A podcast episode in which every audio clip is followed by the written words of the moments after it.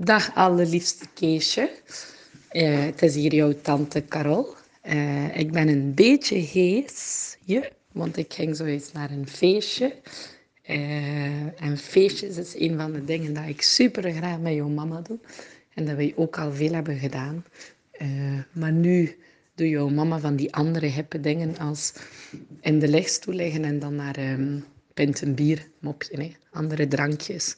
Uh, schoon op haar buik zetten. Van, uh, hoe zeg je dat, progressie of stadia gesproken. Maar het is allerliefste Keesje. Ik heb ongelooflijk veel verhalen samen met jouw mama.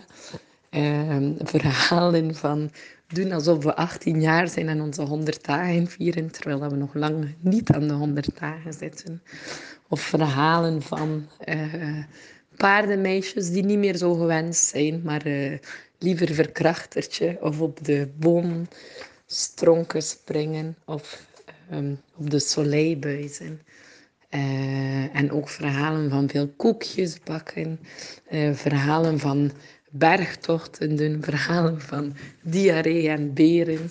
Um, en verhalen van jouw mama, die eigenlijk een ontzettende doorzetter is. en die soms zelf een beetje te lang doorzet. Um, voordat ze het aangeeft dat we niet meer gaat. Uh, maar dus, ik heb heel veel, heel veel verhalen van je mama. Um, maar ik kom ze heel graag in het echt vertellen.